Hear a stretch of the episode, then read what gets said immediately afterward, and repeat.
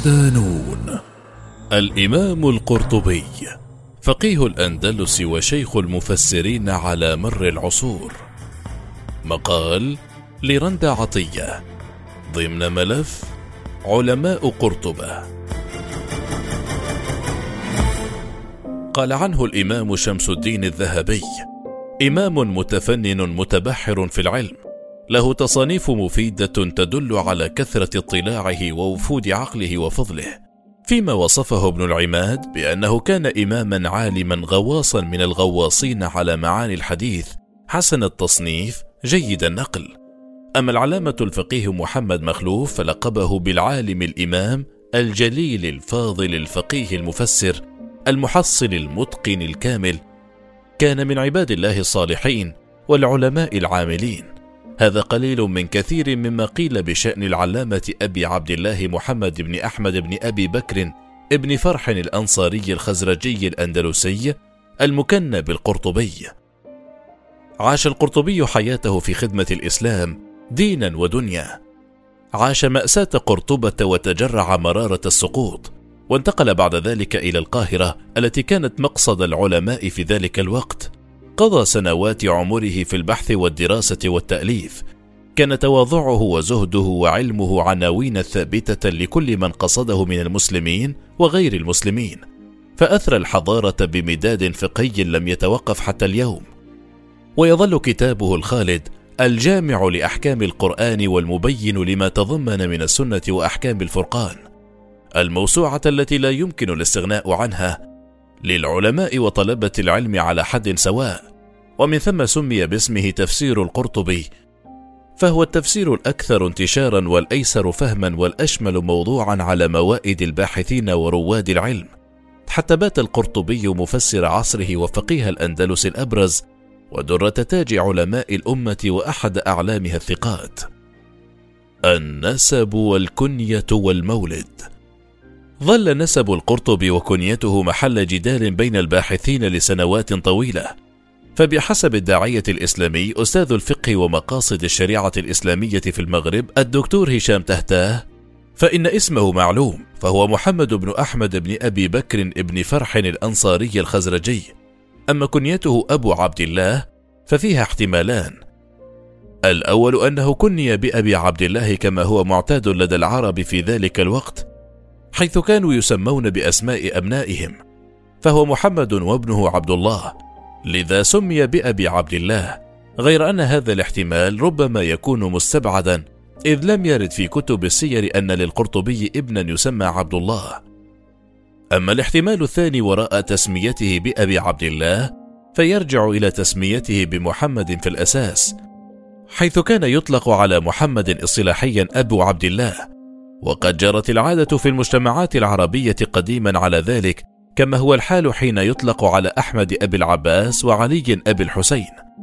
وعن نسبه فلا خلاف في ذلك بين العلماء فهو يمتد في جذوره إلى الخزرج وهم أحد فروع الأنصار الذين ذكرهم القرآن الكريم ممن نصروا النبي عليه السلام. وفضائلهم على المسلمين وفي نشر الدعوة لا يمكن تجاهلها بأي شكل من الأشكال لذلك قيل له الأنصاري الخزرجي وكما النسب كان المولد هو الآخر محل بحث وخلاف في ظل ندرة المعلومات فذهب الكثير من الباحثين إلى أنه لم يرد صراحة مكان ولادة القرطبي رغم ذهاب عدد من المؤرخين إلى أن قرطبة هي مولده الأساسي ومن ثم جاء لقبه بالقرطبي وهو ما حدث كذلك مع تاريخ ولادته فبينما يشير المؤرخ محمد زلط إلى أنه كان بين 580 و 590 هجرية ذهب الباحث محمد الدسوقي إلى أنه ولد أوائل القرن السابع الهجري. وعلى الأرجح وفق ما أشار الباحث التاريخي الحسين أسكيت إلى أن القرطبي ولد مستهل القرن السابع الهجري وأواخر القرن السادس في عصر دولة الموحدين التي كانت تحكم بلاد المغرب والأندلس في الفترة ما بين 515 و668 هجرية التي أسسها محمد بن عبد الله بن تومرت المغربي. وقد كتب أستاذ أصول الفقه بكلية الشريعة والقانون بالقاهرة محمد إبراهيم الحفناوي ترجمة للقرطبي قال فيها: هو الإمام أبو عبد الله محمد بن أحمد بن أبي بكر بن فرح الأنصاري الخزرجي الأندلسي القرطبي المفسر. ولد بقرطبة من بلاد الأندلس وتعلم فيها العربية والشعر إلى جانب تعلمه القرآن الكريم. وتلقى بها ثقافته الواسعة في الفقه والنحو والقراءات كما درس البلاغة وعلوم القرآن وغيرها ثم قدم إلى مصر واستقر بها. وكانت وفاته بصعيدها ليلة الاثنين التاسع من شهر شوال وقبره يزار الآن بالمنيا شرق النيل وكان من عباد الله الصالحين والعلماء العارفين. زاهدا في الدنيا مشغولا بما يعنيه من أمور الآخرة قضى عمره مشغولا بين عبادة وتأليف. نشأة كادحة في كنف العلم. نشأ القرطبي في أسرة كادحة فكان والده يعمل في أحد الحقول الزراعية بقرطبة كما عمل هو نفسه على الدواب في نقل التراب إلى من يقومون ببعض الحرف وكان لديه ثوب واحد فقط يسير به بين الناس دون ارتداء عمامة أي طاقية، وهو ما فسره العلماء بأنه كان نوعا من الزهد والتقشف، إذ لم يملك أبو عبد الله ثمن تلك العمامة. يقول القرطبي متحدثا عن نفسه في كتابه التذكرة، واصفا حاله في فترة شبابه: لقد كنت في زمن الشباب أنا وغيري ننقل التراب على الدواب من مقبرة عندنا تسمى بمقبرة اليهود خارج قرطبة وقد اختلط يقصد التراب بعظام من هناك ولحومهم وشعورهم وأبشارهم إلى الذين يصنعون القرمد للشقف وكانت تلك المهنة مصدر الرزق الوحيد لأبي عبد الله في ذلك الوقت. ولم ينقل شيء عن أسرة أبي عبد الله ولا يعلم إذا ما كان له إخوة أم لا. فكل ما ذكر هو والده فقط وذلك حين تحدث القرطبي عن خبر استشهاده على أيدي الأعداء قائلا أغار العدو قصمه الله صبيحة الثالث من رمضان المعظم سنة سبع وعشرين وستمائة والناس في أجرانهم على غفلة فقتل وأسر وكان من جملة من قتل والدي رحمه الله. وفي المقابل يبدو أن قسوة الحياة الاقتصادية للإمام عوضها الله ببيئة خصبة علميا حيث عاش الفقيه في وقت كانت تحيا فيه قرطبة والأندلس أزهى عصورها ومحطاتها الحضارية. فكانت نموذجا حضاريا يحتذى به وكانت قبلة العلماء وطلاب العلم من كل حدب وصوب وكانت تعج مساجد قرطبة بالعلماء الأفذاذ والفقهاء العظام. ففي تلك البيئة وجد أبو عبد الله نفسه وضالته في طلب العلم والتعلم. إذ كانت الدولة وقتها تحتضن كل من يرغب في التعلم وتكرم العلماء وتوقرهم. كما كانت المؤلفات هناك والوراقة هي التجارة الرابحة. ومن هنا بدأ القرطبي مسيرته نحو بلوغ مقصده في أن يطأ بأقدامه ثرى الفقه والتفسير والعلوم الشرعية ليبلغ مع مرور الوقت مراتب الكبار وأعلام الأمة ومصابيحها المنيرة. مؤهلات النبوغ والنباهة. هناك مقومات وسمات لابد أن تتمتع بها الشخصية التي تطرق باب العلم والتعلم. فهي المقدمات التي تبنى على أساسها النتائج التي تتحقق لاحقا. وكانت شخصية القرطبي تتمتع بحزمة ملامح أهلته لأن يكون إمام الأندلس الأول ومفسرها الأعظم. وكان على رأس تلك الملامح الزهد والورع. فقد كان من الزاهدين الورعين بشهادة المؤرخين دون استثناء. فقال عنه ابن فرحون المالكي كان من عباد الله الصالحين والعلماء العارفين الورعين الزاهدين في الدنيا المشغولين بما يعينهم من أمور الآخرة. وفي ذلك ألف الإمام كتابين كاملين عن الزهد هما قمع الحرص بالزهد والقناعة والتذكرة في أحوال الموتى وأمور الآخرة. وفيهما تحدث كثيرا عن الفساد وانتشار الحرام والوقوع في المحرمات وضرورة الانتصار للفقراء. ساعد هذا الزهد في أن يكون القرطبي شجاعا لا يهاب احدا صداحا بالحق لا يخشى في الله لومة لائم. وكان يعلن رأيه بكل صراحة وقوة دون أي خوف أو قلق أو حسابات شخصية ما جعله محط احترام الجميع. ساعده على ذلك علمه الغزير ونيته الصادقة في تعلم الدين الصحيح وفق مقاصده الراسخة التي لا تتمايل مع الزمن ولا تتغير بتغير السلطان. ففي كتابه التذكرة يقول: هذا هو الزمان الذي استولى فيه الباطل على الحق وتغلب فيه العبيد على الأحرار من الخلق فباعوا الأحكام ورضي بذلك منهم الحكام. فصار الحكم مكسا والحق عكسا لا يوصل إليه ولا يقدر عليه. بدلوا دين الله وغيروا حكم الله سماعون للكذب اكالون للسحت ومن لم يحكم بما أنزل الله فأولئك هم الكافرون. لم تكن الشجاعة لدى القرطبي رفيقة التكلف والغرور بل كان بسيطا متواضعا لم يعرف عنه البذخ ولا الافراط في أي شيء من مأكل أو مشرب أو ملبس وكان جادا صارما في أمور حياته اليومية. وكانت لديه مثابرة قوية ورغبة متفجرة في أن ينهل من العلم دون كلل أو ملل. حيث كان مؤمنا إيمانا لا يقطعه الشك في قيمة ومكانة العلم الذي يستحق منه كل دقيقة من حياته.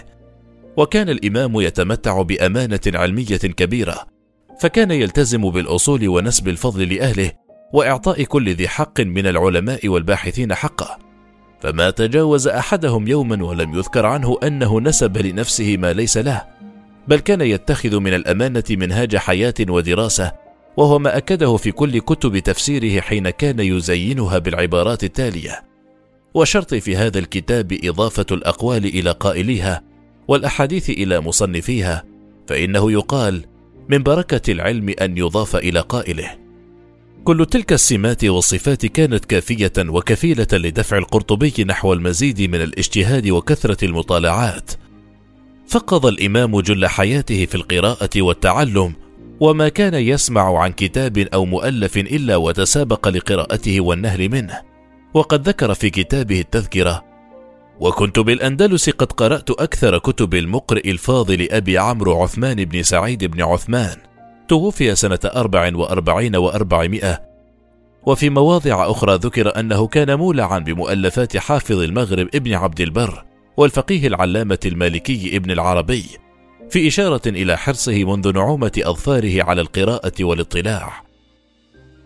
شيوخ الإمام تربى القرطبي في حجر عشرات العلماء ممن شهد لهم بالثقل والمكانة الكبيرة، فأخصبوا أرضه وأينعوا زهره وأزهروا ورده وأرووا وديانه، فكان نهرا متدفقا يروي ظمأ طلاب العلم ويسد رمق الباحثين عن التعلم.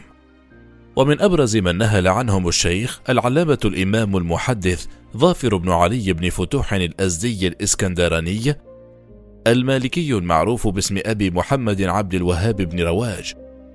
كذلك العلامة بهاء الدين أبو الحسن علي بن هبة الله بن سلامة المصري الشافعي المعروف باسم إغبن الجميزي. ومن أعلام شيوخه أبو العباس ضياء الدين أحمد بن عمر بن إبراهيم المالكي القرطبي.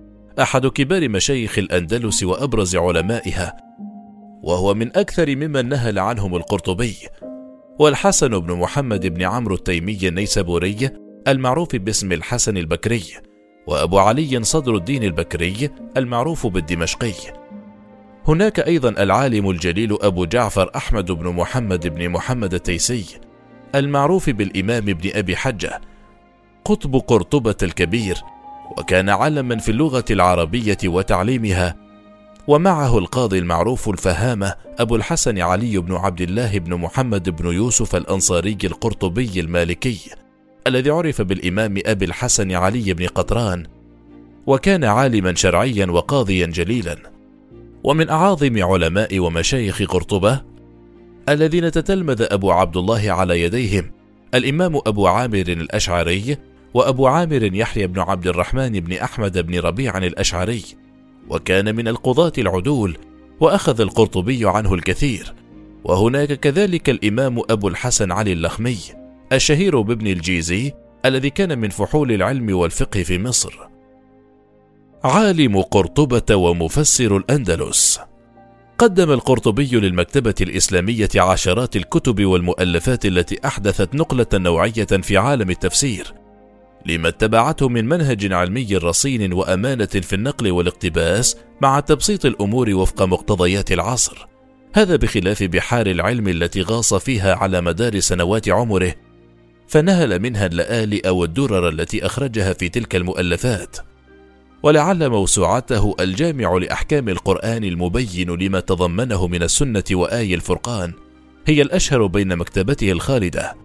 وهو الكتاب الذي يعده العلماء أعظم كتب التفسير.